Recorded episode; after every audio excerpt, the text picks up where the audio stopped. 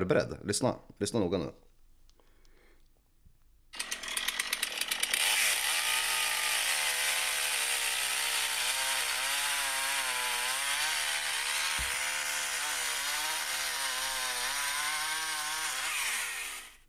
Vet du vad det där var? Det var storsågen som ska dras fram ikväll.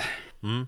Ja, för jag, jag tänkte att det var Jag är inne på motorsågen det ska jag göra på nationaldagen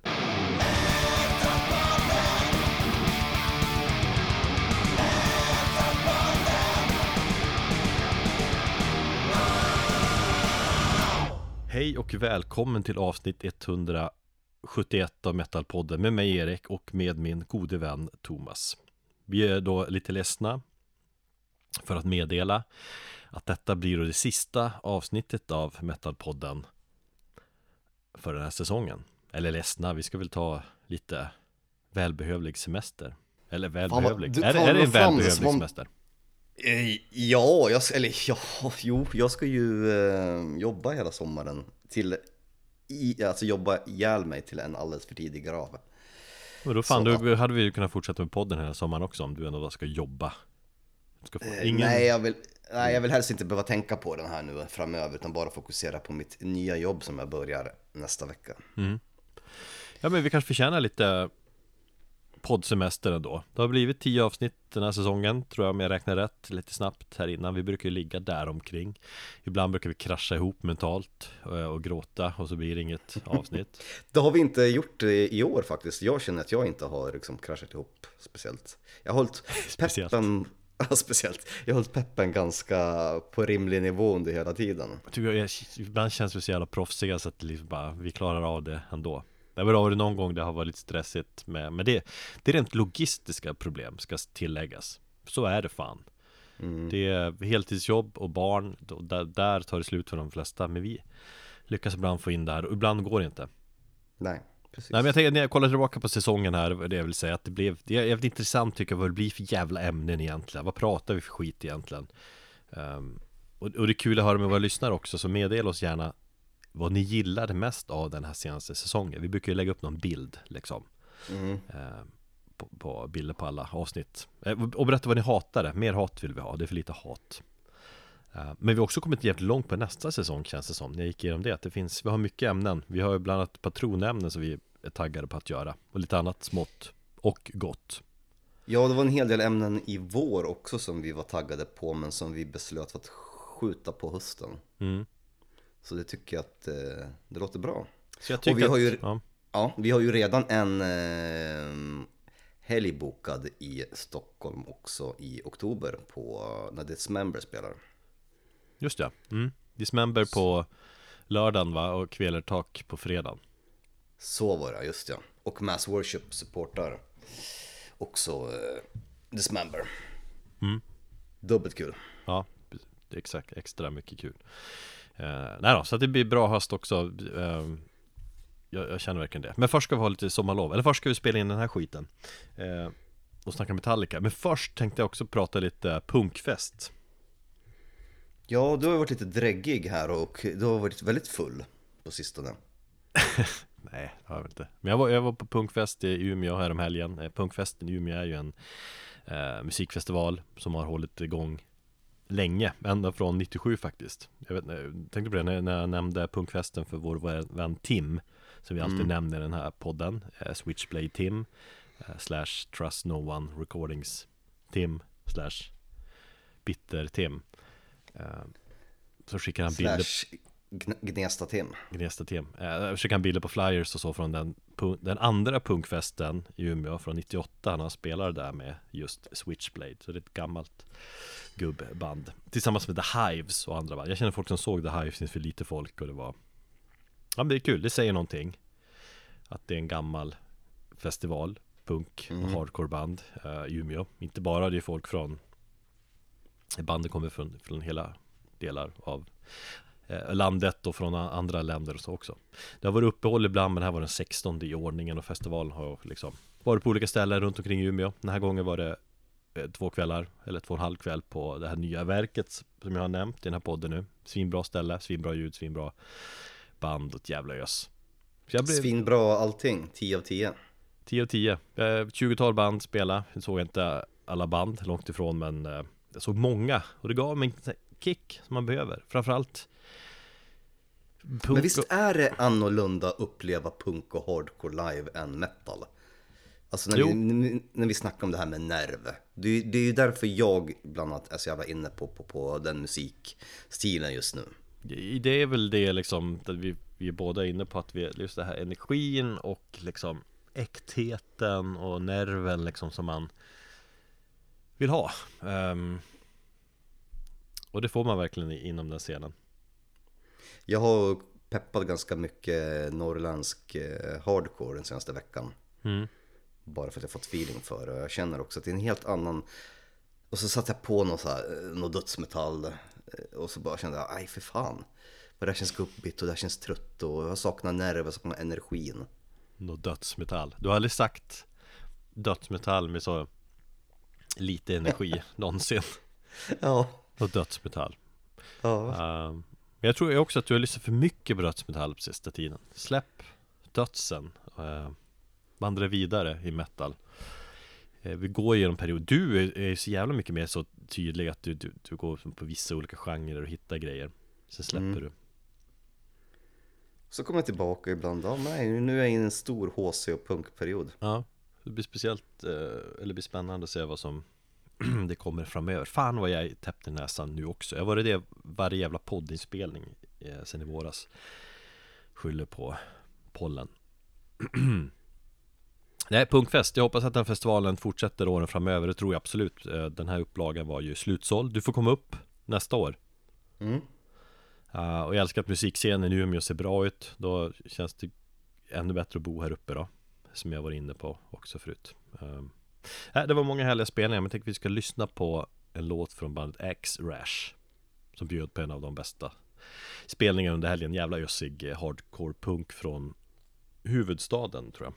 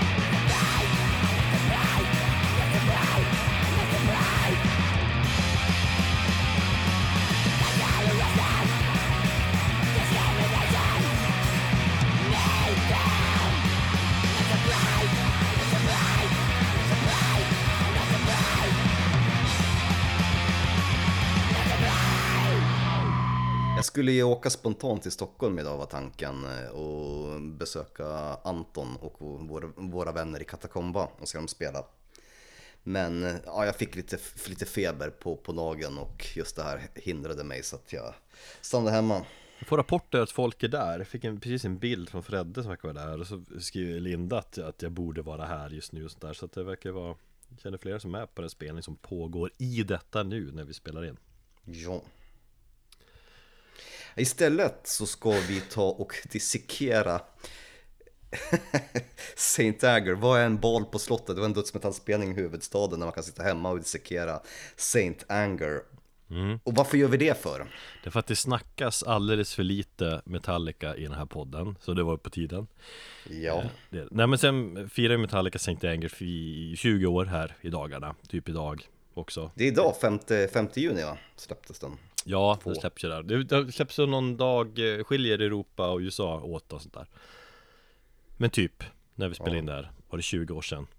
Mästerverket. Eh, På, på den tiden då, då skivor släpptes på måndagar. Ja. Helt jävla Den. orimligt. Ja, det ändrades ju någonstans här på 10-talet. Ja.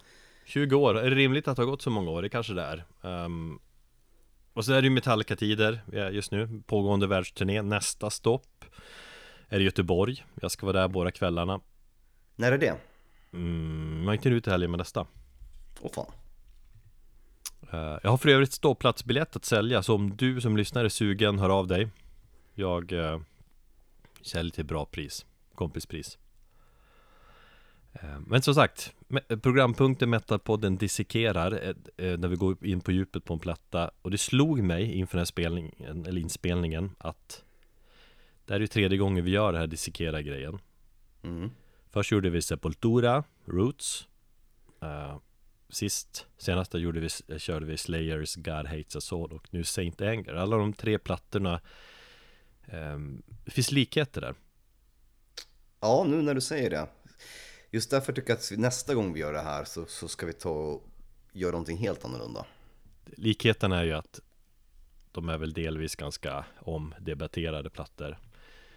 Um, och det är väl därför vi tyckte det var intressant att snacka om dem. Och sen alla de tre plattorna är ju också påverkade av den tidens mest uh, populära hatade metalgenre. Precis. Metal. Säger det någonting? Jag tycker det ser ganska mycket, för om du tänker också på när Roots kom, när kom den? 96, 97? Mm. 95, 96, eh, 97, ja. Ja, God Hates Us All kom 2001 eh, och eh, Saint Anger 2003, så det är ändå ett spann på 6-7 år. Det känns som att det är den här, den här gyllene, eller en trilogi där som vi har, som vi gör omedvetet. Och sen få gå vidare om vi ska dissekera vidare och tänka annorlunda. Jag, innan vi går vidare så vill jag ställa en eh, fråga till dig. Ja. Känner du någon som genuint och oironiskt tycker om den här skivan? Jo, um, men det gör jag väl, tror jag Kristoffer pratar om det precis att han um, Nej men ändå älskar Saint Anger.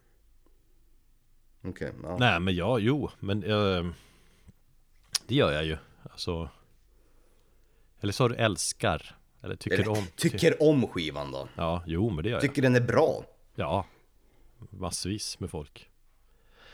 Uh, jag ger mig namnen så jag kan börja skicka bajs till dem. Ja. Men hur, hur har den här, fan, den här tiden då, liksom om jag ska fråga, hur har du upplevelsen varit att lyssna igenom Saint Anger igen? Och hur många gånger har du lyssnat, hur mycket tid har du lagt ner på den här genomlyssningen? Här kommer vi till det. det här, jag visste jag skulle få den frågan och jag har förberett ett svar. Mm. För att jag ska säga så här, det har varit otroligt svårt för mig att ta mig igenom skivan. Ja. Så för att, eh, för att svara på din fråga först, eh, jag har lyssnat på den två gånger. Mm. Eh, sen vi bestämde det här avsnittet. Den senaste gången var faktiskt idag för jag kände att nej, jag måste lyssna igenom den igen bara för Eriks skull.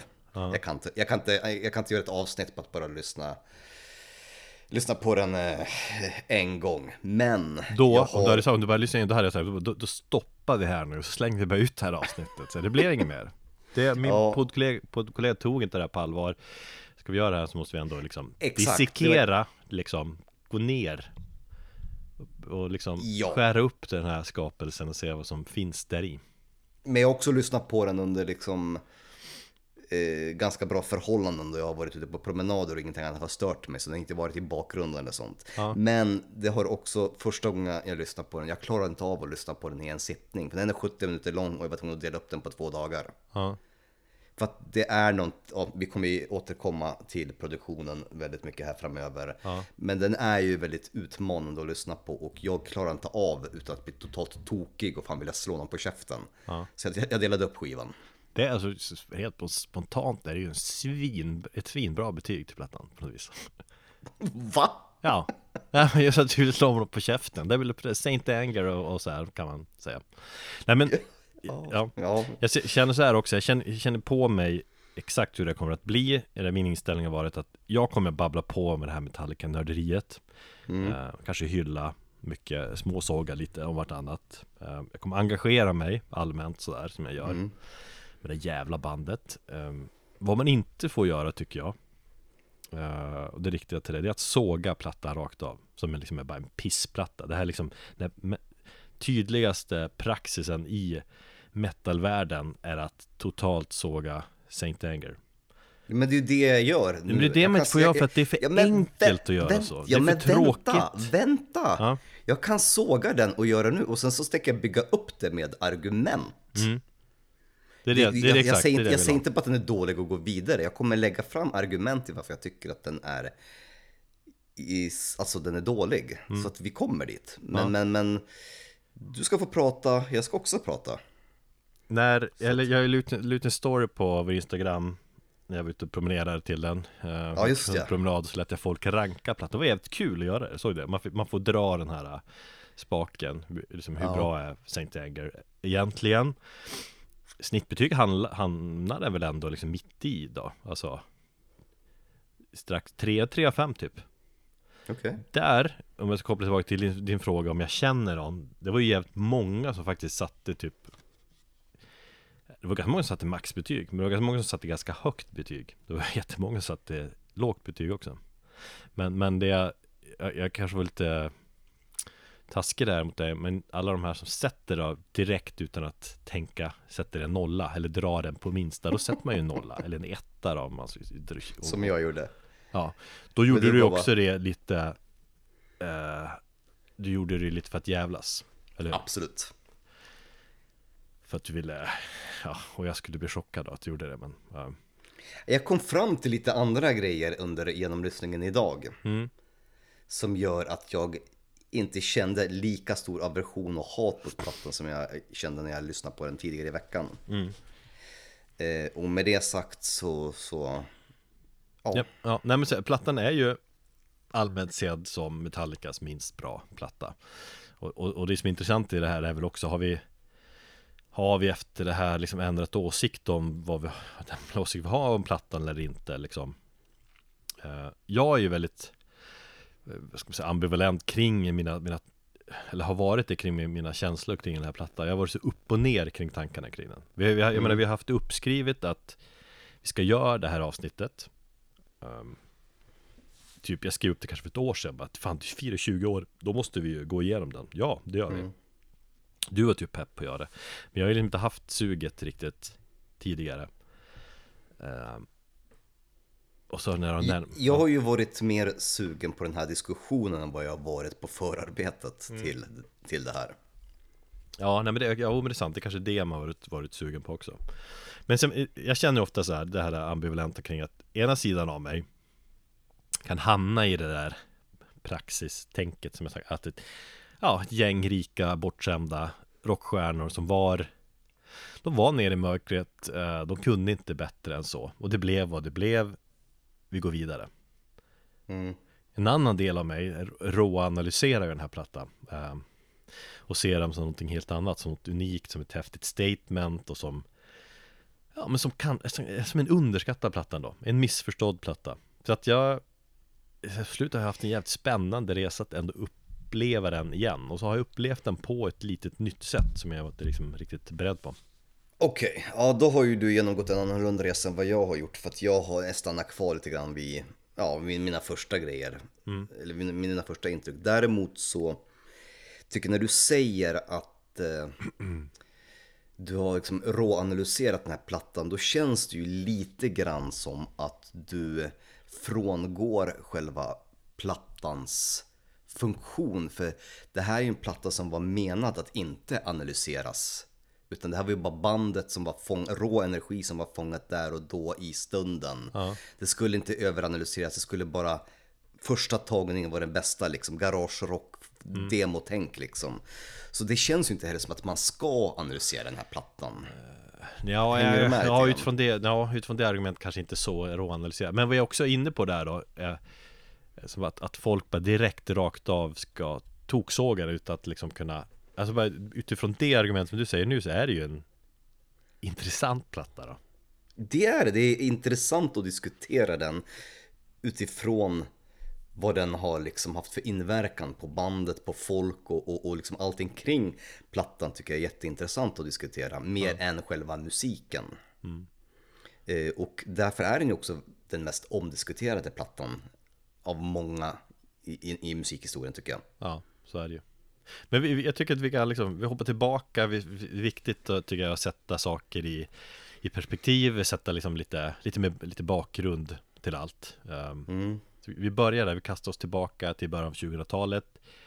Du vet, musikaliskt inom den, den här tuffa musiken som vi gillar att prata om, var nu metal den stora grejen.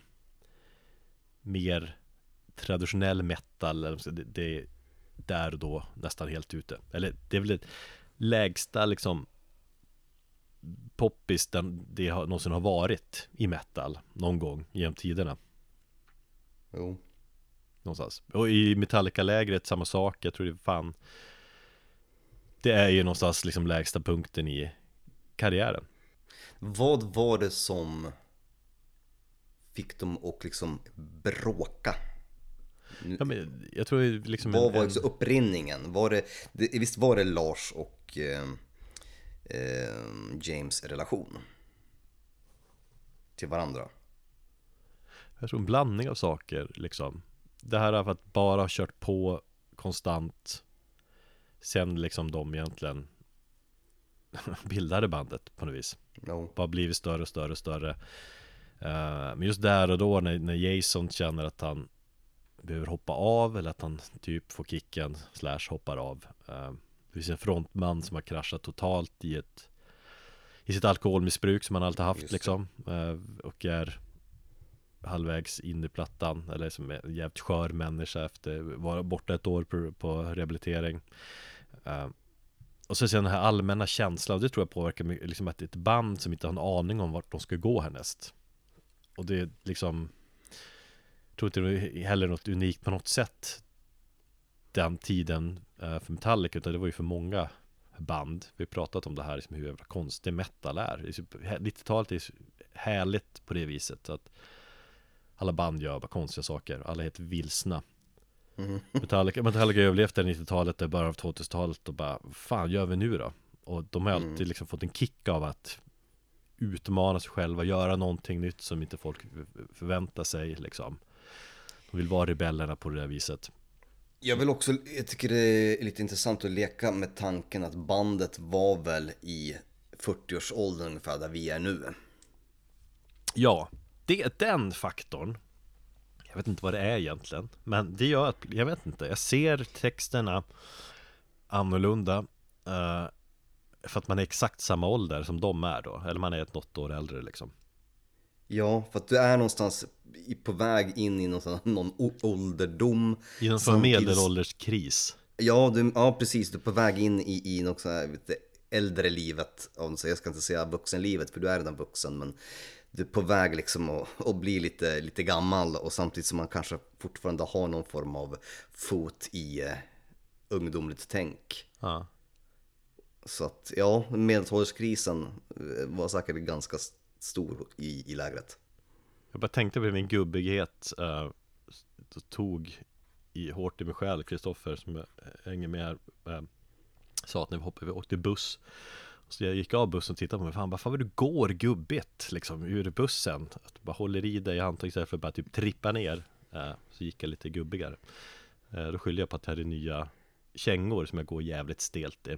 Jag kämpar på med att komma in i. Men det var ändå, den tog jag, jag började, nej fan, det, medelåldern är där borta i den där horisonten som, ja, ännu närmare Ja, men när du skickade den här, eh, visade den här bilden, ni vet när jag sprang hela Söder Mälarstrand till eh, gigget när du filmade mig. Mm. När jag tittade på hur jag sprang sen så bara fan jag springer ju som en gubbe. Ja, Jag har, jag har gubbsteg liksom och, Mm. och, och det ser fan inte vackert ut. Nej, det var ingen ungdomlig energi i, i det löpsteget Nej. Så att det, ja men exakt, det där påverkan och det, och därför blir också Saint Anger eh, Texterna och sånt tänk blir, ja. De här man har nästan in i medelåldern texterna på något jävla vis. Ehm, men just det där, här, det här att ett sökande band, vart ska de gå eh, musikaliskt? Jag förstår liksom eh, Någonstans kör ett band fast.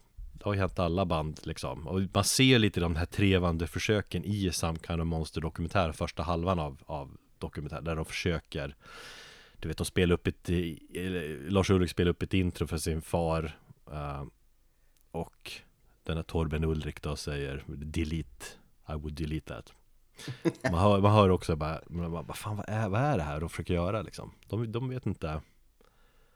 De är Det är vilsna fascinerande hur jävla vilsna de kunde vara. Sen är det ju klippt också så att det ser extra jävla konstigt ut bara, vad, vad håller de på med? Vad fan vad spelar han för trumkomp? Och vad för jävla kass är de egentligen? Um, och så liksom alla förväntningar som ändå är på dem Liksom att de måste ju komma tillbaka Vi måste ju släppa ett nytt album en jävla gång Liksom all, all hype och alla jävla förväntningar på platta Det måste ju varit nasty för ett sånt där band men, men jag tänkte på det eh, De här första rapporterna om plattan som kom också Martin Karlsson skrev Var ju en av dem som skrev ja, Stora ord om Första genomlyssningen av Saint Anger Och det var Just också, ja. det var också sådär ah, Wow, det var liksom Metallica tillbaka i form, de thrashar igen För det hade de inte gjort Sen 80-talet egentligen Mm. Eh, Det hjälpte också till mycket med liksom peppen Men sen låter det inte som gamla Metallica Eh, Det då. låter inte som Metallica överhuvudtaget. Ja, det finns ju beståndsdelar men det låter ju egen genremässigt liksom Hur, vad ska man beskriva plattan som egentligen? Ja, ja, det det finns definitivt väldigt mycket um, nu metal i det. det. Det går inte att komma undan att det är liksom samtiden färgade, um, färgade bandet och alternativ metal. Jag hör både liksom, jag hör fan Deftones i, i vissa riff. Ja, Jag hör eh, Pantera i vissa riff, jag hör eh, Kaius i vissa riff och jag hör Stoner också i vissa riff. Men det är någon form av alternativ metal och ja, Alternativ metal och nu metal, det är väl så det står på typ Wikipedia också att det beskrivs som och Jag tyckte någonstans är en ganska vettig beskrivning ändå. Mm, Alltså det är inte nu metal på det sättet att det innehåller scratch-ljud och rap och så och elektroniska grejer så men det är ju nu metal på det viset att gitarrerna är nedstämda. Eh, just ja. Drop C tror jag. Så att E-strängen där då eh, har de stämt ner två steg från E som är deras standardstämning eh, som de normalt har. Jag skulle säga att Saint Anger också nu metal eftersom riffandet är inte så eh, det är inte så melodiskt, det är mer rytmiskt liksom. Eller mera trum, trum Ja, och lite chugga chugga chugga. Ja, riff också som är väldigt ty typiskt nu metal. Roots hade ju lite det tänket också Mm. Det är mer rytmer än liksom melodiska riff. Um, Och alternative metal för att den är eh, För att den är alternativ, nej men för att den är annorlunda. Det, det, är, lite, det är ett ganska brett tankesätt i, i Ja, för att den ja, inkorporerar alla möjliga olika genrer egentligen. Ja, Och, men sen är ju thrash metal där. Alltså det är ju en del thrash riffande. Det är liksom i, i Hetfield och så. Um, Men sen tycker jag, de, de har ju riff som är lite mer bluesiga Liksom som Dirty Window till exempel Eller Sweet ja. Amber som När det är lite mer åt load och reload hållet Riffmässigt Men Ja, det finns en idé därifrån som jag tycker det här måste nästan ha varit någon överlämning, eh, något ö- kvar, kvarglömt från, från load-perioden. ja, precis Men att när de då spelar de riffen nedstämda och mixar det med det här liksom Du var inne på att det finns ändå groove metal element och, och thrash element så tycker jag nästan att i de till, då, då känns Saint Anger spännande för då är det någonstans Då är det något speciellt. Jag säger inte att det är en helt ny undergenre och sådär men Det var någon som skrev att ja men det här är anger metal men ehm, Nej men att det, det, då är det då Om man ska försöka beskriva Saint Anger för det är ett jävligt speciellt sound, speciell platta um, Jag Då är det skulle kunna någonstans beskriva, i den mixen och jag tycker då det är speciellt ja, jag skulle kunna beskriva den här plattan på ett sätt. Alltså, det här är Alltså jag tänker att Metallica liksom har kommit från liksom en, De har ju liksom varit arga tidigare i sin thrash metal Och de har haft nerven, de har haft energi Det här är medelålders män som är arga men de har glömt, bort hur de ska kanalisera sin ilska Men är det så att de har varit arga förut? Har de varit där på det här viset? Alltså, jag tror de har varit, nej de är, de är arga som medelålders män. Förut så var de arga som, som snorungar och, och det, det, det, det skapade kreativitet i form av fantastiska riff och fyra bra plattor och jävligt mycket fylla och allt möjligt sånt här. Här är det bara gubbar som kanske har... Ja, gubbar som har liksom lämnat ba- bakom sig, alltså när man var 20 år gammal och bara förbannad, gick man ut och söp skallen och startade bråk. När du är 40 och känner samma sak, att du blir arg över någonting, så, så har man lite mer vett än att supa sig full och gå ut på stan, utan du stannar hemma. Och det här är ungefär som, de, de vet inte vad de ska göra av sin ilskan, och de försöker få ut den i den här plattan. Och jag tycker att det låter som medelålders män som har glömt bort att, hur man är arg. Eh, ja, eller att det är deras sätt att vara arg idag som du är inne på Men, men visst, att det är någon form av ilska, någon form av Frustration tycker jag är bättre ord Det tycker jag är tydligt liksom att Det här, de behövde få ur sig det här Det finns så mycket som gror inom i det här bandet vid den här tiden Mm. Och det är ju det, det, är det jag respekterar bandet för mer än någonting annat. Att de har ändå släppt den här plattan och än idag tydligt står bakom den. Ja, Det är ingenting som de har liksom tagit tillbaka med, med tiden som, som många artister har gjort. Eh, Om man tänker på Tom Stewart, tillbaka Cold Lake, fram och tillbaka. An- Andra artister tittar tillbaka på sin karriär och bara nej den där plattan var inget bra. De står fortfarande kvar på att det här var den plattan vi var tvungna att göra för den representerar någonting som vi, vi var i då. ja absolut Men samtidigt kan jag känna när vi är live nu också så är det Ja men Hetfield kör lite så här bara Saint Anger Och så lyssnar på, på publiken när de ska köra en Saint Anger-låt Alltså så här, Saint Anger. Alltså han, fick, han fick liksom det är som att han, det han vet att folk, många hatar plattan. Eh, Istället för att liksom vara stolt över den så att Det är mer här, ja vi behövde få ur, oss den Men det är inte direkt de De visar inte riktigt att de själva älskar den. Nej, nej absolut inte. Men, men de har ju tagit bort alla låtar från setlisten också. Och de har väl knappast spelat, förutom något exempel som vi kommer, kommer till här senare, Ja. så är det väl inte många låtar som spelas live. Nej, det, så är det inte Eh, Ja det säger ganska mycket om att den är eh, Dålig skulle många säga direkt då Eller att den bara är jävligt speciell Svår att framföra live av flera anledningar Um, Men den här ilskan och det här namnet på, på plattan allting Omslaget uh, Det här Pu- Pusshead um, Som har ritat det, jävligt känd snubbe i Metallica-kretsar Eller har gjort, gjort mycket hardcore metal motiv Gjort mycket åt Metallica. Framförallt där runt en Justice-tiden um, Omslag till singlar och t-shirts och Så, det är coolt att han får Det känns också så, wow, nu går de tillbaka till 80-talet när den Just det. snubben får göra omslaget. Vad tycker du om omslaget i, i stora hela? Jag tycker det är målande och det står ut. Jag tycker inte det är nödvändigtvis jättedåligt, men jag tycker inte nödvändigtvis heller det kanske är superbra. Ja. Men jag tycker ändå det finns någonting där som, som gör att den på något sätt förklarar. Jag vet inte, omslaget har ju blivit så ganska synonymt med själva skivan och har blivit en egen grej också Ja. på, på, på, på ett sätt liksom. Ja men jag tycker, alltså, ja, jag vet, jag vet inte less för att folk inte gillar omslag. Det är ju coolt på många sätt. Jag gillar att det inte är den här klassiska Pussed dödskallen Man känner igen hans sätt att rita Ja. skallar. Eh, Det är ganska enkel liksom Slagkraftig symbol, knuten näve Varför färg är röd och orange typ. Vid färgtema så kanske inte jättevanligt heller. Nej. Ganska kraftfull, enkel symbol. Men sen om du vecklar ut Bucklen och så och kikar på baksidan så får du lite av den här klassisk, en klassisk Pussed dödskalle också Men Just det. Ja, omslag som syns och märks, jag gillar den ja, det, De gör ju fan speciella omslag nowadays Eller egentligen sen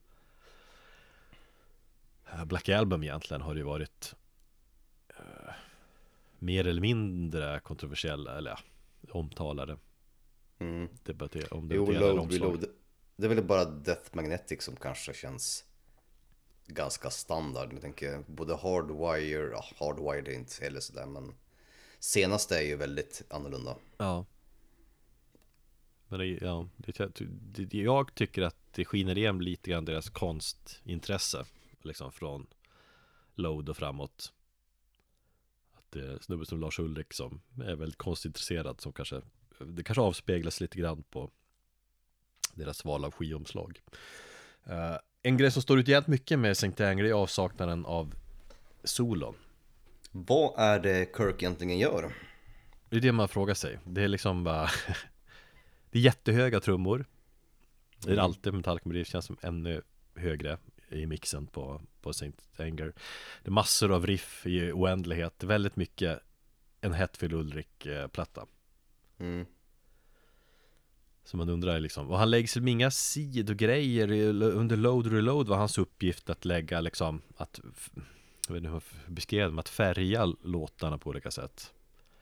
Just ja. Med olika ljud och olika melodier och sånt där, gitarrslingor Men det är ju liksom, det är nästan ingenting sånt heller på Saint Anger. Det finns ju några småställen där, där, man, där är någon gitarrslinga som kommer in och, och, och det är alltså han som gör det Men annars så känns det som att han mest står och, och väntar Ja, han, han, han spelar ju men det är liksom, det är ju Ja. Det är väldigt hett för det, Jag tänkte på en sak. Kirk säger i I den här Some Kind of Monster eh, dokumentären något om att liksom att eh, Ja men här avsaknaden av solen gör att skivan Kommer göra att den automatiskt dateras till den här eran eller den här tiden. Mm. Eh, och det har han väl delvis rätt i kanske. Jag vet inte, nu metal och så Hade väl inte ofta liksom Direkt de, de här regelrätta solorna? Nej det är ju det är ju inte något som är synonymt med genren, nej. Nej. Å andra sidan tycker jag också att Sankt Anger är en Det är så annorlunda platta Så jag vet inte om den känns som att den tillhör någon, någon speciell tid Egentligen. Ja förutom att man anar nu Men den, den står liksom Den, den, den står ju på egna ben totalt, jag skulle inte kunna datera den.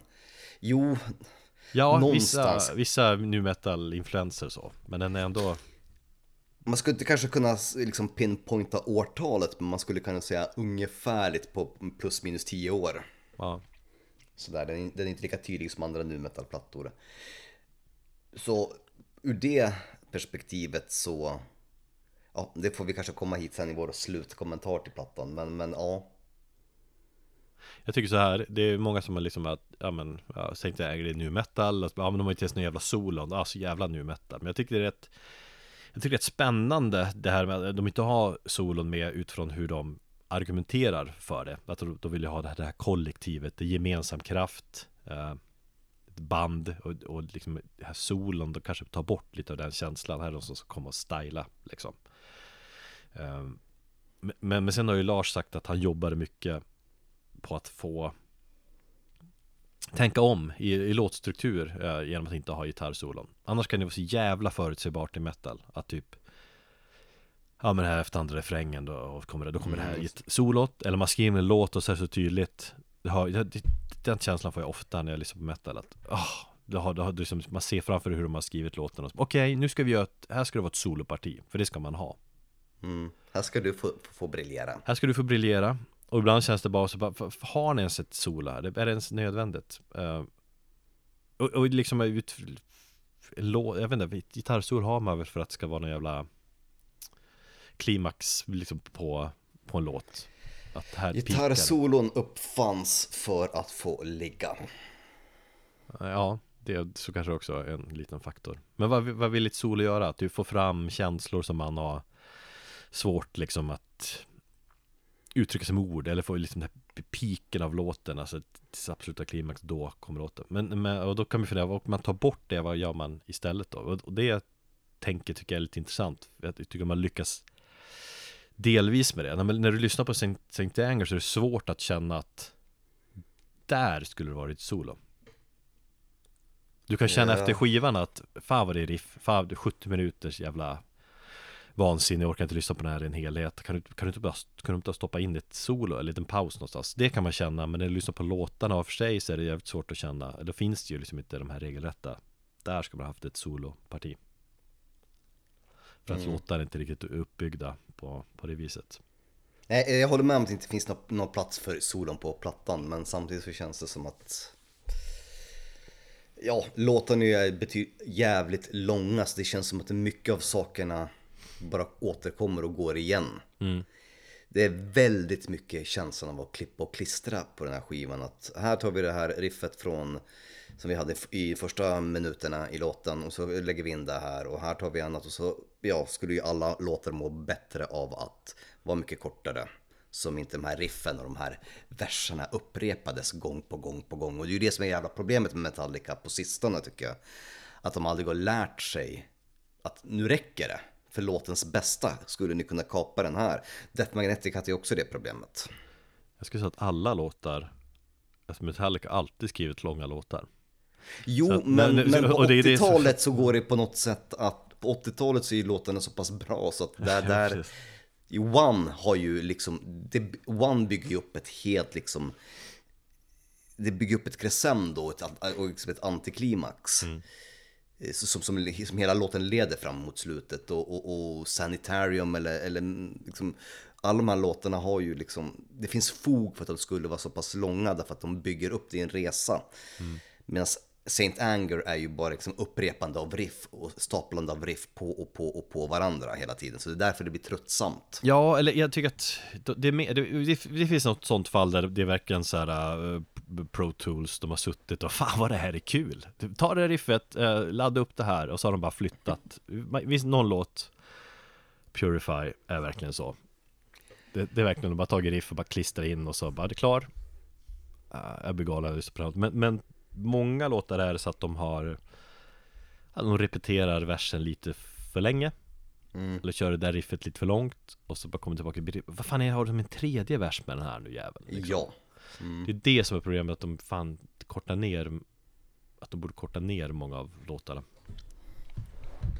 Ehm, Ja. Eh, Men just det med solo, jag, jag tänkte på de har ju spelat låtar live, Frantic, Dirty Window Då har Kirk lagt på ett solo. Ehm, Och det, det tycker jag är fel, det känns fel när det görs så Nej, nej jag, jag, jag tyckte att det var skönt faktiskt. Kanske, men kanske bara för att jag levt med solofria låtar. Så när jag helt plötsligt hörde den här live-versionen som vi ska spela sen. Ja. Och, och man hör att han lägger på en, eh, de lägger på ett solo och tänkte jag, ah, äntligen så får han briljera lite grann i den här låten. Han har, han har, eh, han har suktat efter att lägga ett solo och göra någonting med den här låten liksom. Och nu Det kanske inte är så jävla spännande solo men det är Nej, det är, det, det är verkligen inte spännande, men jag tycker faktiskt vad som helst lyfter ju den låten med tanke på ja, hur den låter. ja. Så till och med att de hade, släppt en stor jävla prutt så hade det ju varit betydligt bättre än originalet. Jo, men det du är inne på här nu, liksom att du behöver ett solo för att du vill känna någon form av, du vill, du vill, du kunna andas, eller du vill få någon luft Ja. liksom. Eh, och det, en solo, ett solo gör väl liksom mycket ofta musik mer liksom harmoniskt behaglig att lyssna på. Eh, och det är liksom ett, mitt argument för Sankt varför- det är precis det Sankt inte siktar på att vara. Nej, jag vet. Utan istället har ju som Metallica medvetet gjort eh, sätt att, att skivan ska vara eh, oharmonisk liksom. Disharmonisk. Eh, Disharmonisk. Jo, och det har de väl lyckats med, men man kan ju, det finns ju disharmonisk musik som man vill lyssna på. Jag tänker på Deathspell Omega och all annan, annan disharmonisk eh, dissonant black metal. Men så finns det ju musik som man blir trött och... Alltså, det är väl kanske någon psykologiskt experiment i den här jävla plattan för att den är ju verkligen svår att lyssna på och det är ju samtidigt det som är fascinerande att det här är så jävla disharmoniskt och out of place allting så att det blir inte något, ja men det, ja, vad fan heter han, eh, Lou Reed släppte ju en skiva med bara statiskt brus. ja. Ska, Ja, då, då kan man ju liksom börja eh, diskutera vad är musik egentligen? Och då uppstår, uppstår en konstnärlig, eller en fråga om, om, om, konst, om, om konst och vad är konst egentligen? Och det, det, det tycker jag är intressantare att prata om den här plattan, vad är konst egentligen? Än själva musiken. Det verkar som att vissa gillar, jag läste en ganska ny intervju med Bob Rock tror jag som har sagt liksom att eh, eller det känns som att Bob Rock ibland får behov av att försvara Saint Anger, vilket jag kan uppskatta att han gör. Eh, Det finns, han har gjort så jävla många plattor så att han eh, Han vill stå upp för Saint Anger. Men snubbar som Jimmy Page och Jack White har gått fram liksom till Bob Rock och sagt att Fan jag älskar Saint Anger. Och Ja, och det, och det har han ju sagt till, till, i intervjuer att de två artisterna, att de kom fram till honom och tackade honom för den skivan betyder mer än vad fansen någonting, eh, än vad fansens åsikter betyder. Det är ju jättekonstigt sagt tycker jag. Ja, det kanske det är. Det, det är Han, också sa- så här, han, Jimmy han sa ju Page. att de, deras beundran för den här skivan eh, gottgör allt eh, dåligt omdöme som vi fått från våra fans. Ja, ja det, det, det är kanske så han känner. Alltså, som musiker och eh, producent kanske han känner liksom att ja men fan vanliga dödliga vet inte vad, jag, vad vi håller på med egentligen. De förstår sig inte på det här. Men en snubbe som... Jo absolut, men en snubbe som Jimmy Page som är liksom en av de största eh, Säger så. Samtidigt kan man undra hur jävla relevant är Page? Han är väl 80 liksom Säkert Snart eh, Hur jävla relevant är han? Men eh, det är något som är intressant är liksom när det, det är blues Liksom som kommer från blues, det är rocken som säger så. Um, Jag vet inte om det säger någonting. Men, men eh, Bob Rock spelar också bas på palattan. Det är ju inte många som tänker på det. Nej. Kanske för att det inte står ut så mycket i och för sig. Och tänker du på liksom bara, fan vad coolt Bob Rock spelar bas Här. Nej, för det enda jag tänker på är virveltrumman. Ja, jo. Uh, Nej men det känns som att han mest spelar bas, eller, eller gitarriffet på bas. Men han märks ibland, det finns lite coola grejer, det är lite Lite nasty ljud han håller på med. Och det är någon distad basgång där i slutet på My World. Där enough's enough, enough's enough det där. Um, Men än en gång, det är Hetfield Ulrich som är bandet. Det är de som hörs. Så säger Saint Anger. Och texterna är ja. ju jävligt, jävligt cringe. Ja, jag har skrivit jag cringe tänk... här också i mina Men exakt, det, det, texten är väl det mest Förutom virveln så är det väl texterna som är mest omtalade från den här plattan. Det är väldigt meme-vänligt och så. Det är väl det som är St. Angers legacy. Lustiga texter. Some kind of monster-dokumentären När de sitter tillsammans skriver på eh, Post-it-lappar och skickar runt. Det är cringe så fan. När Kirk har skrivit My lifestyle determines my death style. Det är ju den enda egentligen bra Eh, versen, liksom textraden som, som, som existerar på skivan tycker jag. Ja, eller bra, jo, den är väl väldigt så här eh, tydlig. Um... Nej men det är många små sådär texter som står ut som man minns. Jag vet inte vad det är Om det har med det att göra att de har suttit och Kirk har skrivit små, små saker liksom Frantic tick tick tick tick tick tock Det är lite enerverande Eller, Det är jättedåligt I'm madly in anger with you Han sjunger vidare I want my anger to be healthy Den raden är bara skriker rehab, eller hur? Ja, absolut. Det, det, det är liksom, det, det, är ju någonting som någon terapeut sa till honom. Mm. Bara, du måste se till så att din, att din, din ilska är, är eh, hälsosam. Mm, verkligen, det skrev han ner. Um... Ja, det, finns, det finns, eh, det är så mycket som jag, alltså jag får ju nästan gåshud av, av alltså cringen, den, den faktorn går bara rakt upp i taket liksom. När man lyssnar på många, många av låtarna.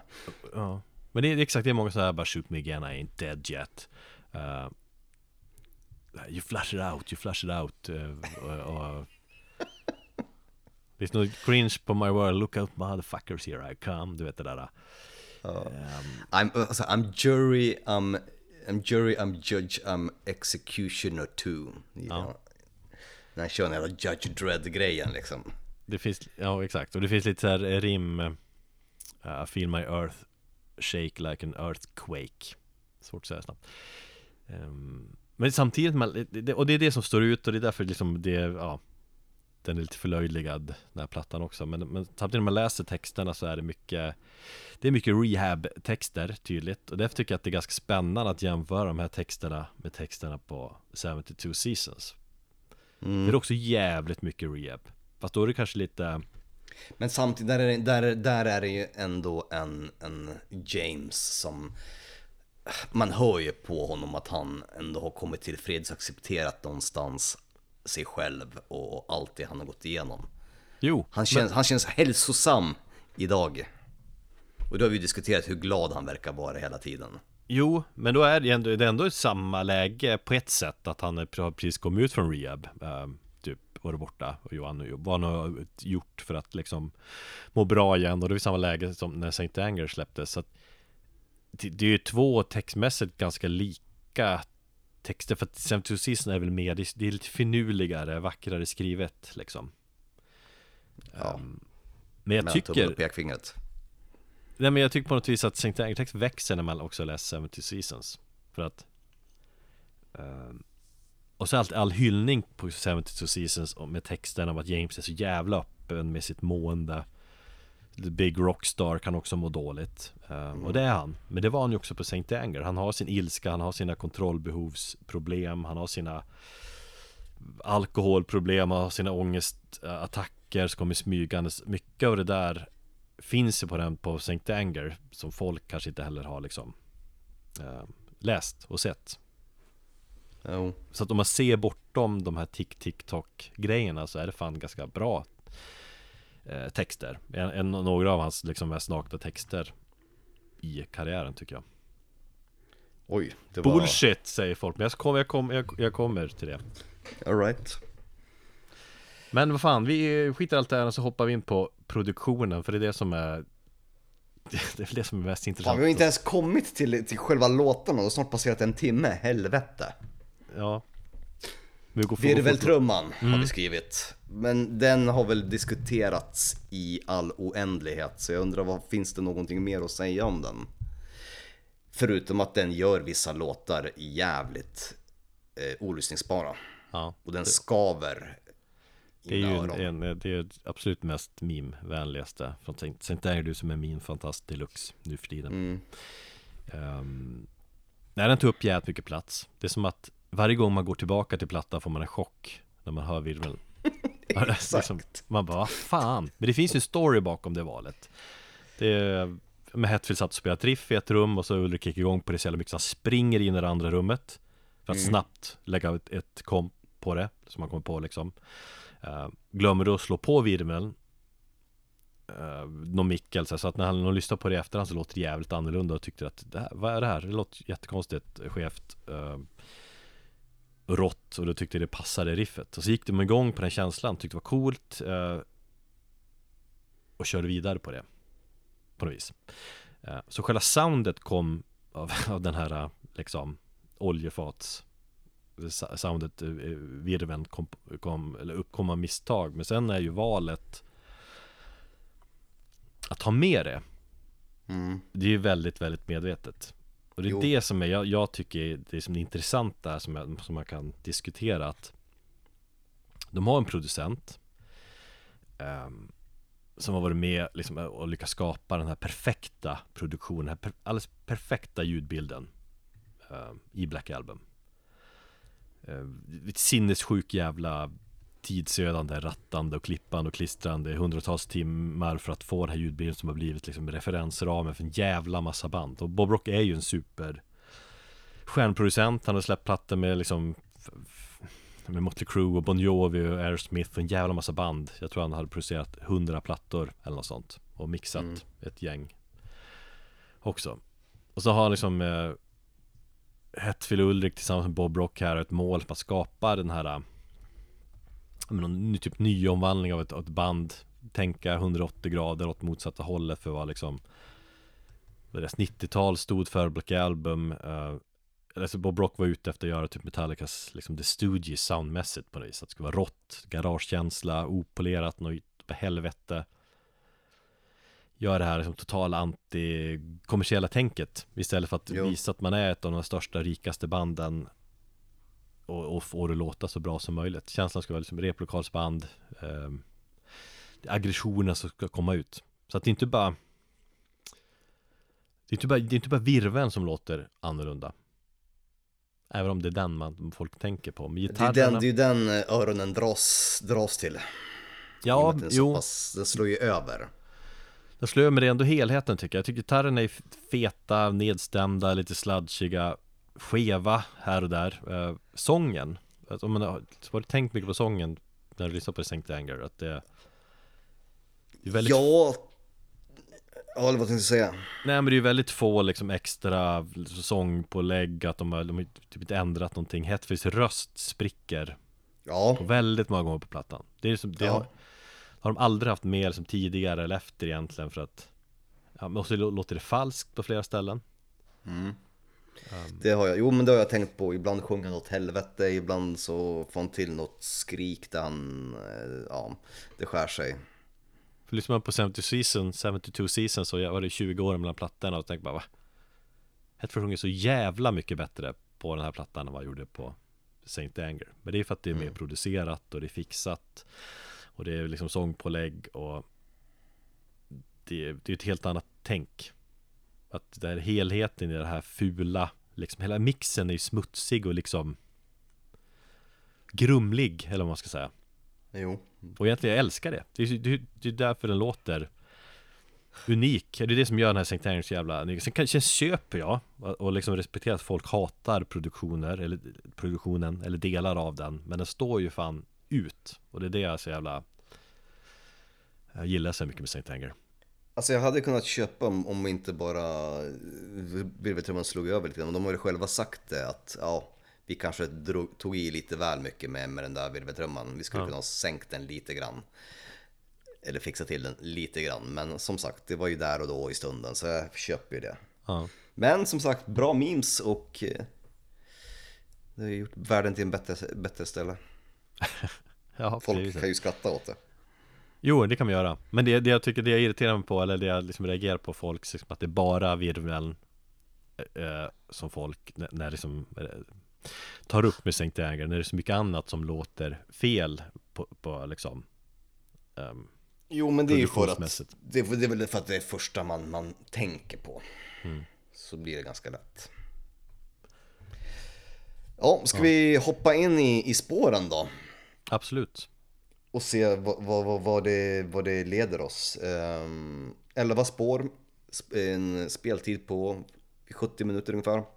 Ja Så att... Eh, Klart kort, låtarna- kortare fem minuter kortare än de två senaste plattorna ja, precis. Men lång Men eh, ja, börja med Frantic.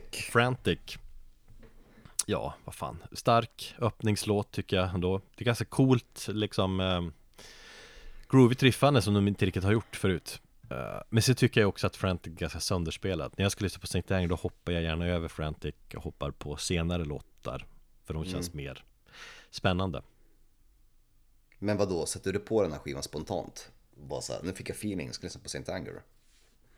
Nej, men jag hoppar över Frantic. Om jag skulle, det är inte ofta jag, det är inte ofta jag lys- lyssnar på Metallica alls eh, Om de inte släppte en ny platta sådär men Om jag får för mig så att jag känner, eller lyssnar på St. Anger så Hoppar jag gärna över Frantic och St. Anger För de, jag menar, det var singlarna, de De har man lyssnat på, vilka kan de? Ja, jo absolut. Det kom ju ändå tre, tre singlar från, från skivan. Ja, Och den första var ju... Ja, jag, vad har jag skrivit här? Eh, Frantic, okej, okej riff. Cringe it med TikTokandet. mm. Eh, Men jag har lite grann samma sak med, eh, med titelspåret Saint Anger, det hoppar jag jättegärna över eh, just nu då. Men samtidigt så är det väl kanske den låten som, om jag nu ska ha någon personlig koppling till den här skivan så är det ju egentligen den, för det var ju våra, våra, vårat eh, första möte, allas möte med skivan var ju i form av den här första singeln. Eh, Jag kommer ihåg när den spelades på MTV, jag kommer ihåg när det snackas om att Metallica är tillbaka i hög form i olika här, mm, ja, underhållningsprogram på just MTV. Men cool video ju, spela på San, San Ja, Quentin, video- första bandet som spelade sen, sen Johnny Cash väl Ehm, Eller? Videon är väl cool? Jo, videon är cool, eh, men som sagt, där är eh, ja, lite arg i Set Me Free. Det är ju när han skriker Set Me Free i, eh, mot slutet där och dubbla, dubbla baskaggarna kommer in som, som man har någon liten tillstymmelse att han kanske låter genuint arg på riktigt och försöker frammana någon ungdomlig ilska. Annars så tycker jag bara låten är skev och konstig och versen funkar inte med, med eh, refrängen. Ja det skär sig och- lite grann där men den Thrash-riffet är ju ganska old school Metallica Jobbigt och snabbt Det finns lite Master of Puppets eh, likheter i I Ja. rent tekniskt hur man spelar riffet och så Eh, Och just den här kicken man fick första gången när man hörde liksom Helvete, Lars Ulrich spelar dubbel Tramp igen Det har man inte hört på eh, Många år Många år. Nej, jag håller med dig. Men, Men sen så- håller så- sen, det här, så håller de bara på i evighet alltså, Det här riffet, jag inte, sju minuter um, evighetsriffandet. Det är något Tänk Ja. på det där, något repeterande som de håller på med mycket på den här plattan. Ja, och jag hatar när han börjar sjunga Push it out, push it out. Det är också, just det, ja, de där grejerna kom, förekommer på här ställen. Det är, det är flera sådana här, så här ja, men uttryck, är som TikTok, TikTok som, som är irriterande, som är cringe. Push it out, det kommer mer på andra låtar också. Så här moment som de bara, nu ska vi välja någon, någon cool liten fras som vi ska använda i, vid den här i den här eh, låten. Men det här är mycket så här, klipp och klistra, de bara tagit lösryckta idéer. Det är ibland, det som jag får också så får en annan så här, övergripande känsla över skivan. Det är att alla tre då och Bob Rock har stått i olika rum, spelat in olika grejer, brainstormat fram någonting, gått ihop i ett gemensamt sal så bara Nu ska vi se grabbar, Kirk om vi tar en din idé och så klistrar vi ihop den med eh, Lars här och så tar vi James, du kan ta din grej, funkar det? Nej men okej, men min grej kanske funkar så försöker ska lägga ett pussel som de har misslyckats med. Ja, fast det, så där har de ju alltid skrivit låtar Alltså klippa Ja, och klistra, det är bara att de har olika bra eller dåliga riff menar, Du ska Ja, höra de här det- första det- det- versioner av Master of Puppets när det är som fler, fel låtar som är Eller demo, när de bara va? Det där riffet hör ju till den där låten, det är jätteskevt Men det är bara de har alltid jobbat på det viset Sen, Okej, men då är det här kanske inte genomarbetat, de bara tog de första idéerna, satte ihop dem och gjorde en låt av det istället för att tänka nå- någonting för att behålla det här spontana tänket. Eller så är det bara att de har inte tänkt efter hur dåligt de har klistrat ihop dem, för de kunde klistra upp dem bättre förut. ja det är väl kanske mycket så Att det är det är kvallan på rifferna som inte riktigt Når Ja, men jag, samma jag, har en, episka jag, har ändå storhet ett, jag har ändå ett eh, nostalgiskt minne till Saint Dagger, för det var den låten som jag lyssnade på väldigt mycket när jag eh, åkte utomlands till Spanien och pluggade där. Så när vi kom till, till eh, studentrummet, jag och min kompis Rickard som jag åkte dit med, så spelade vi den här på hotellrummet första kvällen. Eh, och så var det några grannar under oss som började klaga. Eh, och det visade sig att det var också studenter som förstod att vi var svenskar. Och så, det var så lite grann jag träffade min kompis Håkan. Ja. Via den här låten. För 20 år sedan. Det är fint ju Ja, så ändå, det finns någonting bra som kommer ur den plattan. Saint Håkan. Saint Håkan. Spår 3, Some Kind of Monster som den här dokumentären är döpt efter. Lång jävel till låt. En låt som jag blev eh, less på väldigt tidigt liksom När den kom. Eh, En låt som jag också knappt har lyssnat igenom på åratal. 8.25 av upprepningar och eh, det finns, det finns en, när singeln släpptes så hade de en, eh, en eh, editerad version som mycket, mycket kortare, de har klippt med hälften typ. Ehm, Och den funkar väl kanske bättre Men jag, när jag lyssnar på låten nu blir jag förvånad över hur jag gillar den här låten mer än vad jag har någonsin gjort tidigare. Jag tycker den liksom äter in sig i mig på den maler på och det här liksom repeterandet av riffet gör något med mig. Den här låten är så jävla skev. Den är, texten är jättekonstig. Uh, Ulrik har spelat trummor i skeva komp på det, skeva gitarrljud. Det finns ett noise-tänk i den här låten som jag inte riktigt tänkt på förut. Bara två Okej. detaljer att i introt när När bara James spelar. Uh, När intro trudelutten så hör man också hur virveln vibrerar. Mhm. och det är en klassisk replokals eh, grej man är, Alla som har spelat replokal vet det, att när man står och spelar själv hur, hur vibrationerna från gitarren gör att virveln också vibrerar. Och det ger lite Okej. sån här rå känsla. Och så 50 sekunder in kommer en gura som låter bara jävligt trasig. Eh, Ja. Från någon ful stärk liksom. Men det är coolt. Det, det, det, De har gått ganska långt på, på skeva gitarrljud skeva gitarrer på den här skivan Som de aldrig Metallica, gitarr har aldrig hört, eh, låtit så här tidigare och inte efteråt heller. Men det är mycket på hur, hur stämningen är liksom Gitarrstämningen. Det här Stämmer du ner gitarr så sitter eh, Strängen mycket lösare Så att det blir en annan Det blir liksom ett, mer, det blir mer sludge på något vis. Jag har skrivit här lite Stoner Noise-vibbar får jag i den här låten. Ja, Stoner-vibbarna, vet inte exakt var de kommer ifrån men det är ju någonting där skeva och att det känns lite grann som en lite pårökt stundtals. Men, men sen när du säger noise så, så, så är det mycket så här, ja men, ja men jävligt oljudstänk liksom. Mm. Och det är exakt, jag har lite stoner-känsla. Det är så att jag gillar den här låten mer nu än vad jag gjorde då. Eh, Dirty Window, fjärde spåret och ändå ganska kort. Är det den kortaste? Men, nej, det är inte den, men en av de kortaste. Med sina 5.25 också. Eh, det är en låt som... Det är fan, eh, ja, nej, jag bara kollar mina anteckningar här. Ja. Det är en låt som jag tänkte att det var inte den, men det är en jävla hög virvel här och jag tycker att den virveln tillsammans med, med, med, eh, med virveln på Saint Anger låt, den, den, den skär igenom mer i an, än i andra låtar. Den markeras ju av gitarren också. Ja, ja precis. Eh, för att i, i, i vissa låtar så, så drunknar virveln i kanske något gitarriff och, och, och, och basen. Men här är den ju som sagt väldigt markerad och den är väldigt tydlig vilket gör att den blir extremt jobbig att lyssna på. Eh, och sen så det här lilla stuket mot slutet när han börjar sjunga Aj, aj, aj. Ja. Det är ytterligare en cringe-faktor. Det tar de bort live tror jag. För då, då får uh, Kirk uh, sola där istället. Är det här en låt som de har spelat live alltså? Ja, den här kör de ju Just ganska Ganska många, de körde den några gånger förra året och, och på deras 40 års Ja men vänta, det, förlåt. Ja men det var, ju den, det var ju den låten som vi ska spela här också. Mm.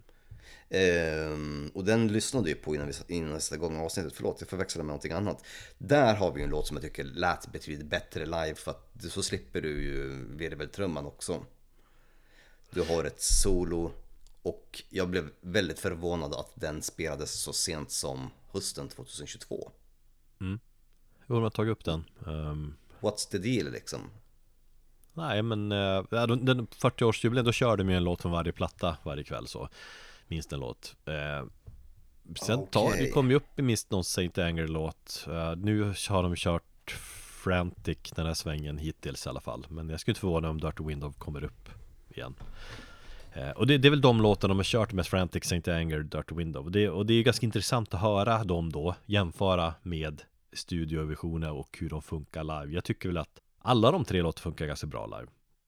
Eh, Dirty Window för tycker jag låter ball som fan. Jag hade Jag hade gärna sett att de testade andra Saint Anger-låtar.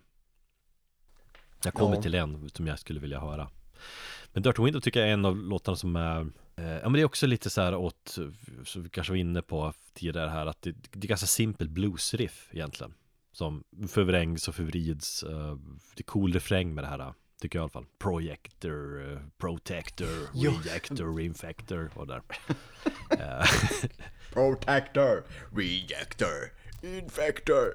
Men det är cool dynamik på låten. Det är mellan, mellan låtdelar, det här nedskalade till tungt och så. Det, är, men, det, det här, just det här med att det, är någon blandning av blues och tung metal Någon mix där som gör det, det är en halvt unikt sound på den här plattan där de, inte- Som de inte riktigt har gjort tidigare Istället för att lyssna på originalet här så tänker jag att vi lyssnar på En liveversion från förra året, jag tror det var, vad fan kör vi? Var det från Bilbao, var det Spanien eller något annat ställe? Bilba- ja, Bilbao. Mm.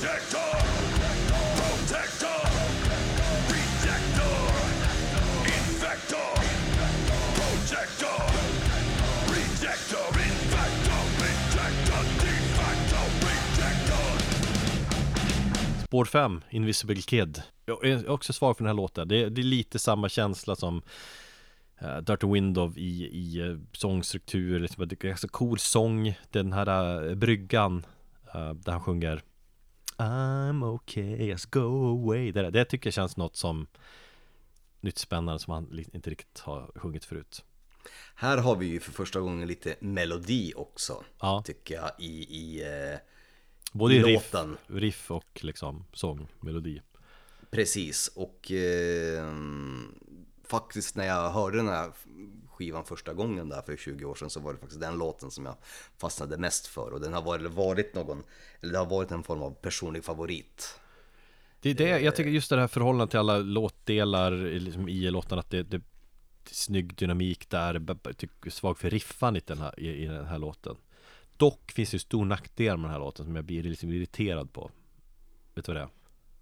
Längden. Längden 8.30, det här är liksom Ja det är näst längsta låten på plattan Och det är fan helt jävla orimligt att den här ska vara så lång Mm. Och därför tror jag att den försvinner för många också Alla som ska kämpa sig igenom Saint Anger Att åh, 8.30, fan vad lång Men just liksom grund eh, Grunden i låten eh, Och liksom vers, brygga, refräng och delarna Det tycker jag fan eh, Alltså, en av de bästa på den här plattan Det frångår all form av, uh, vad heter det? Bortom rimligt tvivel Nej men liksom det är att den är så lång Eller hur? Jag menar att överhuvudtaget alla plattor, om de skulle vara spontana och punkiga och bara spela in rå energi, då borde de spela in korta låtar också tycker jag.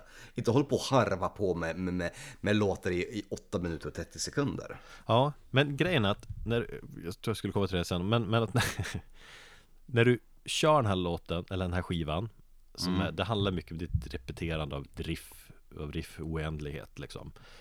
Det är något tänk med det. Att de hamrar in ilskan på något vis.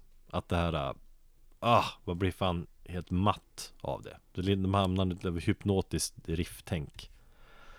Ja, fan, jo kanske. Nej men jag har hamnat i något sånt tänk att om man lyssnar på dem många gånger. Det, det är det man kommer fram till att den någonstans blir bra de här långa jävla repeterande riffen.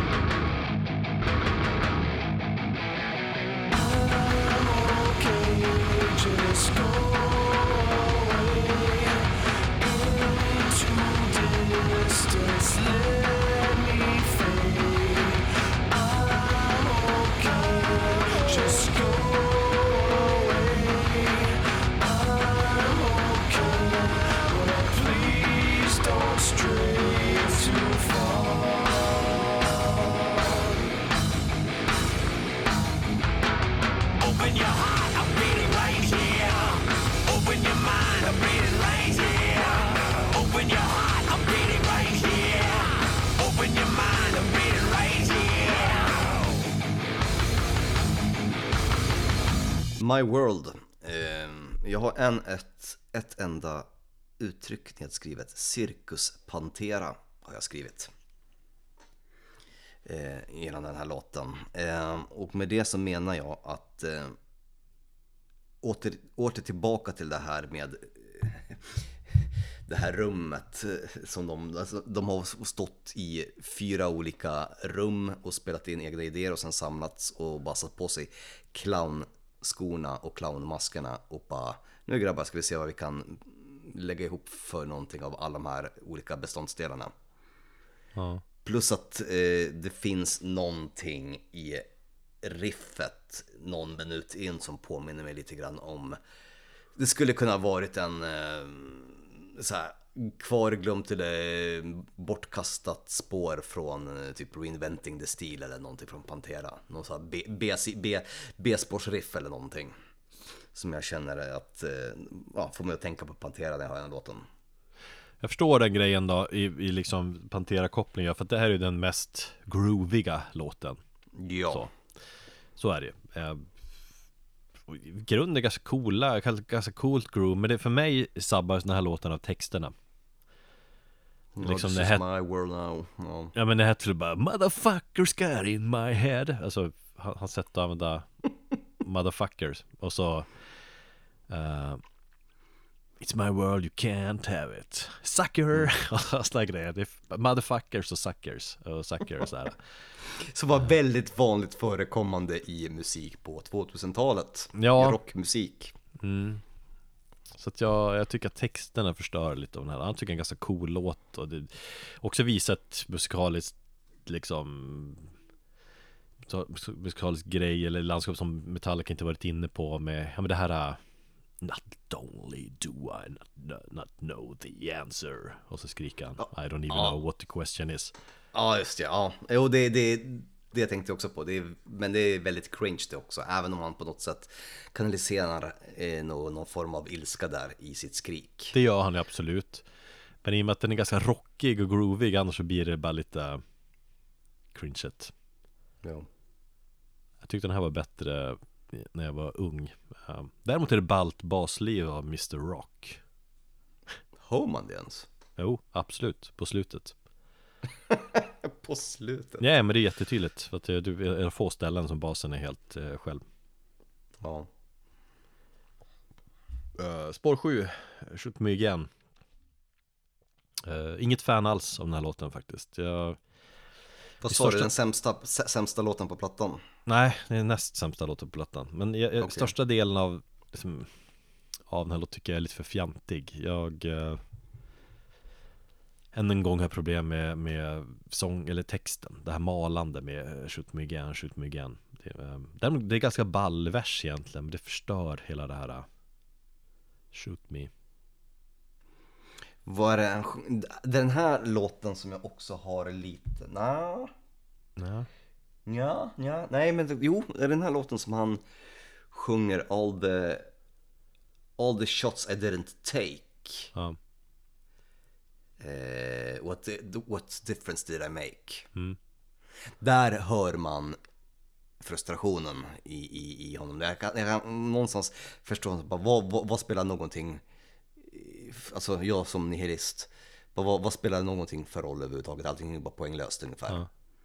Så att eh, någonstans där så förstår jag honom i, i hans frustration i den här låten. Men i övrigt väldigt cringeig låt och den här Shoot me again, shoot me again. Det, aj, det blir... Ja men det är det som förstör allting, alltså, Sen tycker jag det är så coolt. Här, liksom det, det vi pratar om solen, att det finns ett parti här som eh, eh, Typ efter andra refrängen. Det är Hetfield och Ulrik i symbios, det är inte riff egentligen Utan det, det jag menar just att Hetfield bara eh, Spelar gitarren som trummor nästan. Mycket rytmer. Låt nummer åtta, Sweet Amber. För första gången så har vi tillstymmelse till en ordentlig låt som är går att lyssna på rakt igenom. Så har jag skrivit. Den är, har en helt okej längd. Eh, jag tycker att det här här för första gången i den här låten så känns det som om bandet är tillsammans i rummet. Både fysiskt och själsligt. Det känns som att de har på något sätt pratat ihop sig här och lyckats få till en helhet som Om alla andra låtar är klipp och klistrat så känns den här låten som om den är Antingen har de lyckats klippa och klistra väldigt bra här för första gången eller så har de lyckats bara Det känns mer som ett bandtänk i den här låten igenom. Nej men det är en bra låt, det, det är en favorit för Och det är, mig min, också. det, det, ja, det är en av de bästa låtarna på skivan. Ja, Den har spelats live en gång vad jag vet Det finns den att spela halva låten på, på Youtube um, Men det här är en låt som när man ser det, bara fan här borde de testa live till exempel Ja, okej. Mm, jo. Absolut. Den skulle ju kanske gå, gå an. Ja Det är så coolt riff och så sen liksom vad, vad låten handlar om eh, Den här Den berörs lite grann i en sekvens i I Some Kind of Monster när filmen Rent dramaturgiskt eller man säger vänder uppåt igen. När bandet är på samma bana då man, man är kompisar igen och så lackar man Gemensamt på att de måste spela in jävla sponsorgrejer Radiogrejer. Så vad fan håller vi på med det här för egentligen liksom? Och så liksom också det här uttrycket Scratch your back so you won't stab mine så Om de inte gör det får de massa skit tillbaka Så bara, ah, jag orkar inte med den här skiten. Uh, Men det verkar Sen kan vi fråga sig om, om Sweet Amber är någon farlig kvinna som är farlig och som man blir uppslukad av Men den allmänna tolkningen är väl att Amber Syftar på bärnsten som är en vanlig färg på öl. Och att texten handlar om alkoholmissbruket. Eh, Det är väl ganska tydligt att Hetfield gillar sin öl. Det är svårt att hålla sig ifrån. Ehm, Men Men det här, det här är snygga textrader här också. Det är liksom uh, She deals in habits, deals in pain I run away but I'm back again. Och Slutet av låten kommer det här sticket och det här riffet som jag tycker är en av höjdpunkterna på plattan. Det är liksom en nerv både gitarrmässigt och så när han sjunger också. She holds the pen that spells the end. She traces me and draws me in. Uh, det, det är bara Det här eh, Ölen talar. Svårt att hålla sig från det. Ja. Men det, det finns en öppenhet Eller nakenhet i det i i James här Som man hör och känner. Och det partiet är så jävla bra så jag får liksom rysningar ofta när jag lyssnar på det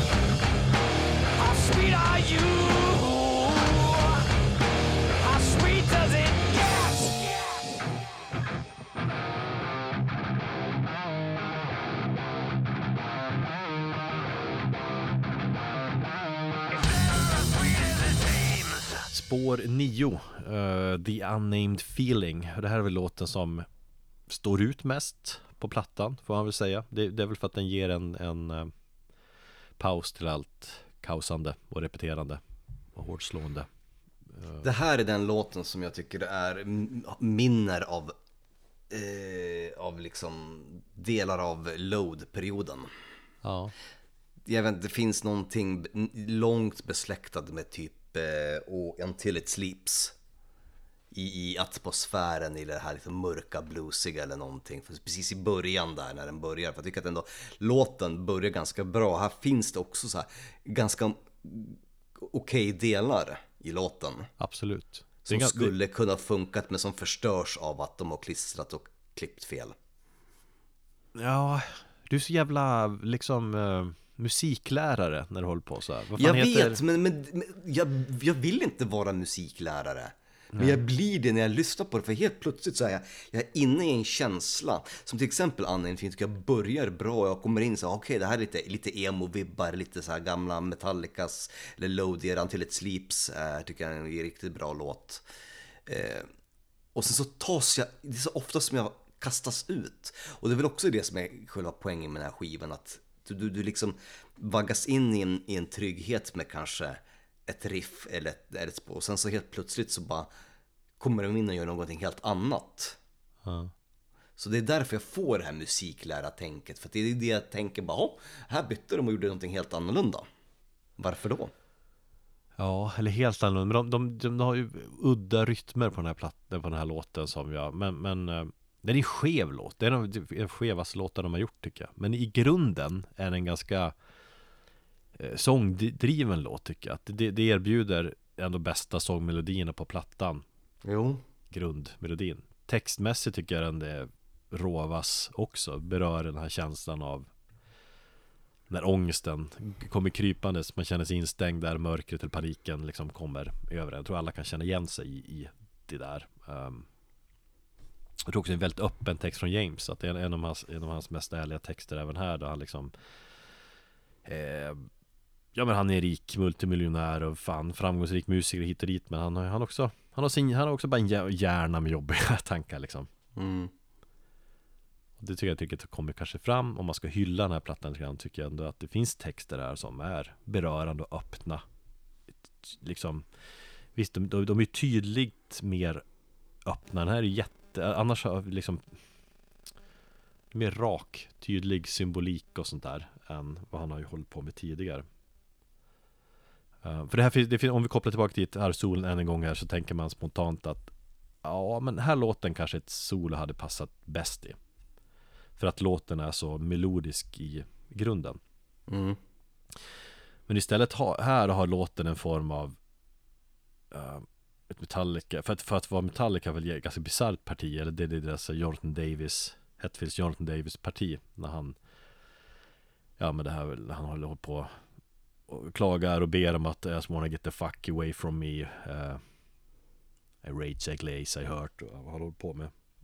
I wanna hate it all away. Um, Där har Metallica inte varit tidigare. Det där har jag stundtals känt att det är cringeigt Men det är ingenting som det Där har James inte gjort varken före eller tidigare heller. Okej. Sen får man tycka vad man vill om det Men det är något liksom som James inte visat tidigare och därför tycker jag det är jävligt intressant Mm. Ja, och så- då får jag t- lyssna, ly- lyssna på den låten ur det perspektivet då. Ja. Och så när han lyssnar på det liksom Om vi lyssnar på det, det är den här refrängen då som övergår till det partiet. Men det är så jävla snygg refräng. Jag tycker fan Otroligt snygg, jag älskar den melodin. Just det, det är väldigt nedskalat och James har lagt tre, fyra sångspår där Förbaskat snyggt Mm.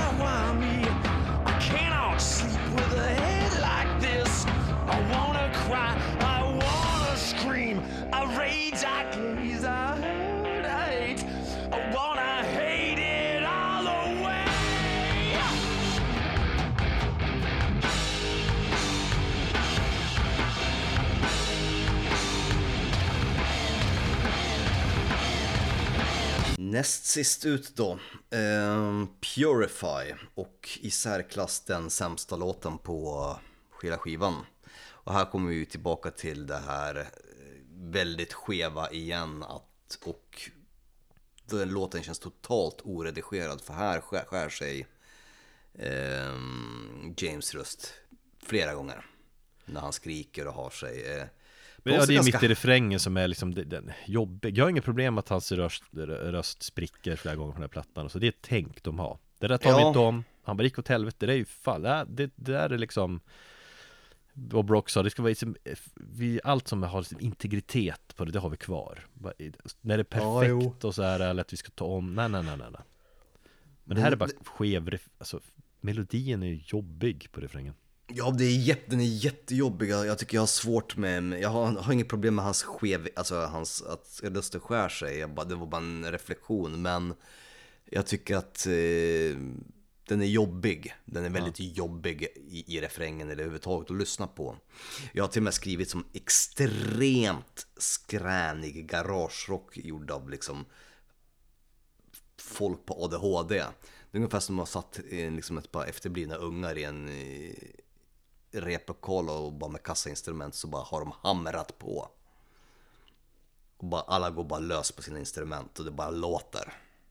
Det är en ganska cool beskrivning Om du skulle beskriva Metallica, en Metallica-låt på det viset Som du precis gjorde Men liksom eh, Så är det intressant Men det, det är ju Jag tror, eller tänker att det är deras liksom Pro Tools låt deluxe Att de sitter här och är så tydligt att de sitter och, och har suttit och klippt och klistrat den här jäveln Att de har tagit ett random riff. Och så har de nästa parti Just det här Totalt onödiga avslutningsriffet. Om du tänker på det som kommer. Låten har slutat Då har de ett sista dåligt, tråkigt, intetsägande avslutningsriff. Mm. Som bara ger, det, nej, den här låten hade de Skulle de delete that.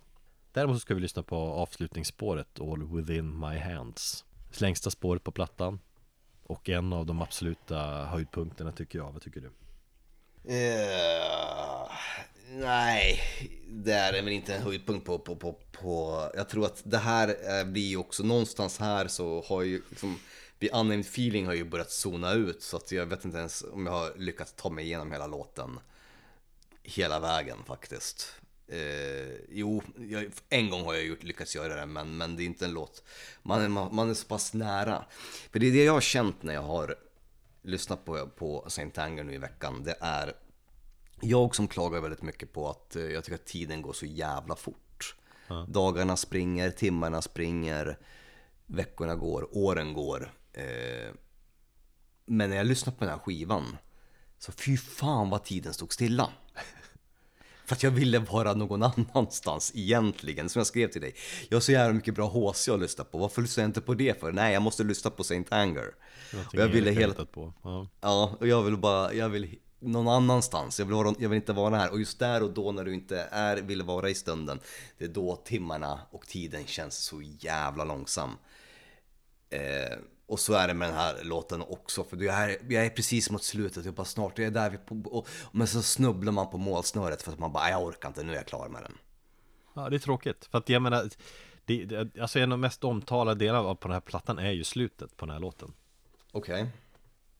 Hans kill, kill, kill. Det känner du väl ändå till? Ja, just ja, ja, jo absolut. Har du inte ens jag. lyssnat på det här ju? Fan, du har ju inte alls lyssnat på Plattjäveln två gånger. Du har ju slutat på All Jag Within har My Hands. slutat nå halvvägs in i All Within My Hands. Men jag känner igen det sedan tidigare. Jo. Mm. Men jag vill att efter det här ändå ska lyssna på den här låten helt rakt igenom.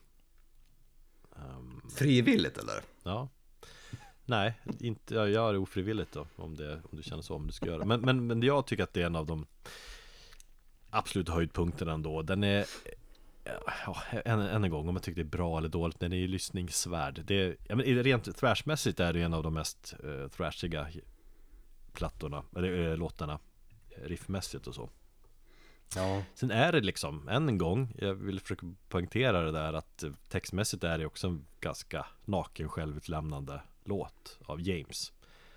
Eh, Mycket rehab här också såklart, liksom grunden är väl här, hans mamma dog tidigt cancer när han var tonåring, farsan lämnar honom.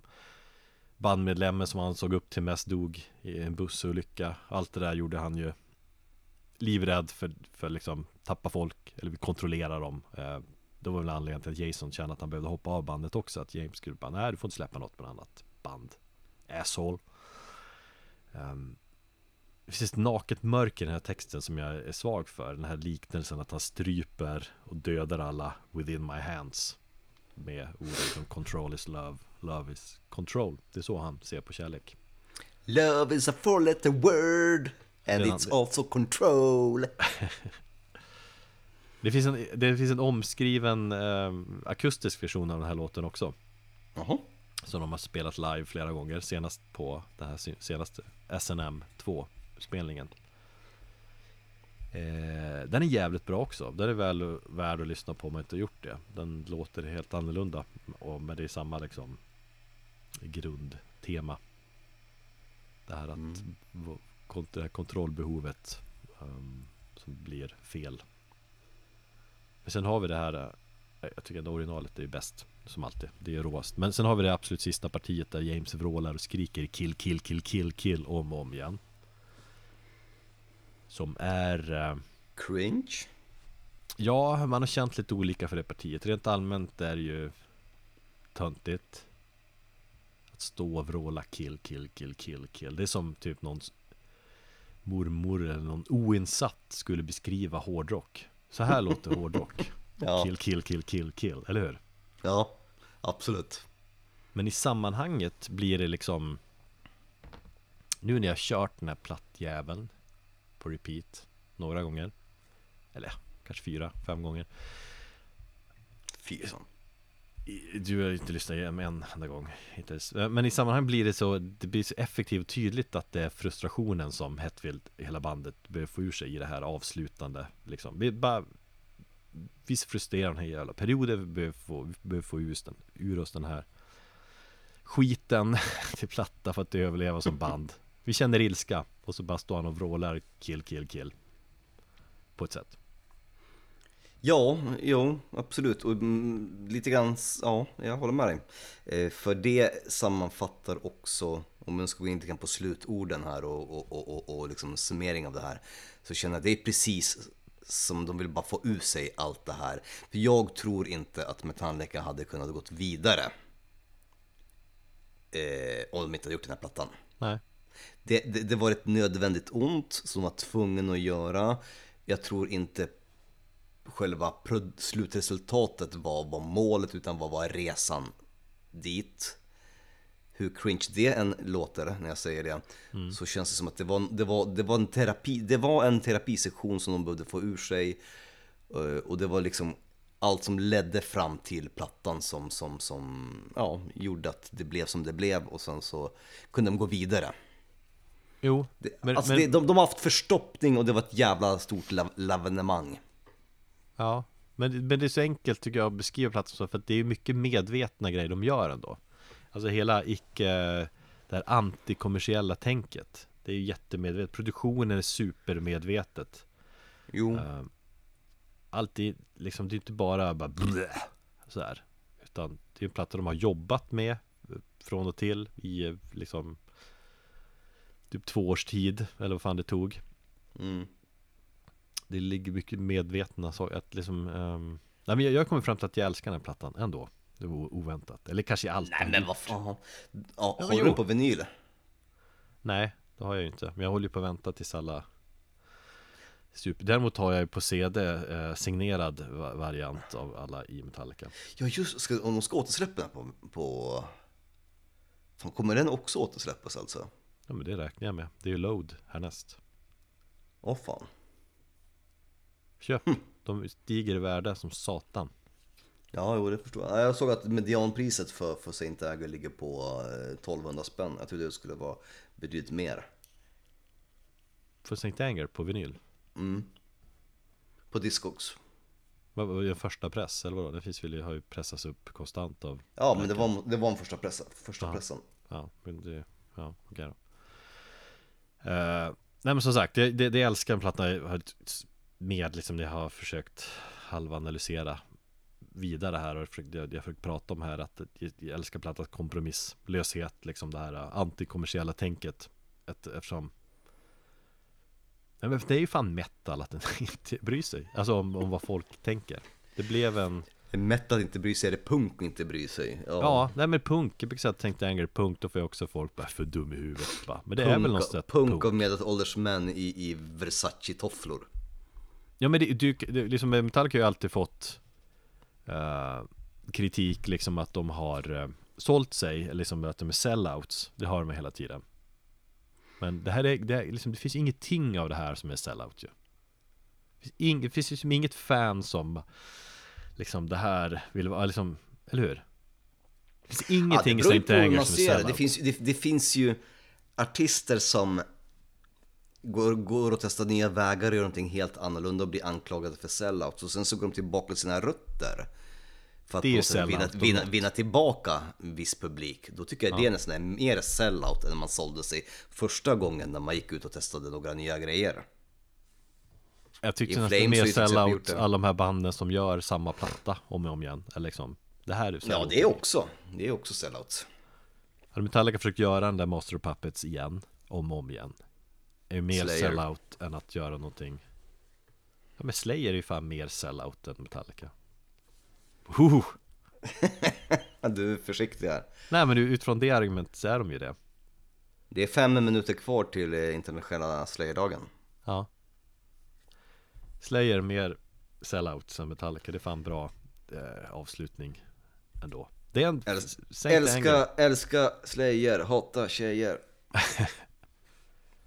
Saint Anger, en platta, ett sound som, liksom som aldrig riktigt har gjorts förut På gott och ont, bra eller dåligt Det får liksom folk tycka, och det är en unik platta Metallica Det håller Life. om. Hur Kul står den sig tidsmässigt?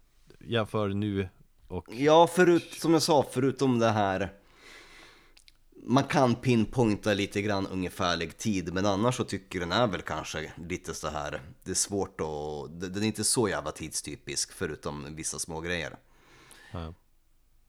Men eh, ja, hur den står sig Mina känslor kring plattan är ju egentligen likadana som de var när jag hörde den första gången. Kanske till och med att då lyssnade jag ju också, det var 2003 så då lyssnade jag ju kanske lite det var ju hösten 2003 som jag började skriva om musik för första gången. Jag minns att jag skrev min första recension, liksom. det var ju Katatonia, någon Katatonia-platta. Så jag tror att när den här skivan kom där under sommaren så, så var jag ju fortfarande ett, en naiv musiklyssnare. Och inte hade de ögonen som jag har idag. naiv och naiv, du var ung och redo för allt För Ja. Jag skulle vilja ge den här en, en och en halv av fem. Det är jävligt lågt ja. Det är lågt. Jag två, säger tre och en halv kanske. Nej, två. En och en halv. 1,75. Då sätter jag 3, äh, 3,5 Jag säger 3,5 3,666. Däremot är tror jag Saint Anger största anledningen varför jag älskar Metallica på något sjukt sätt Förstår du? Ja. Du, har vi... Eh... Vi ska lyssna på eh, slutdelarna av eh, All Within My Hands. Cringe kommer- eller inte, det är fan det är king avslutning.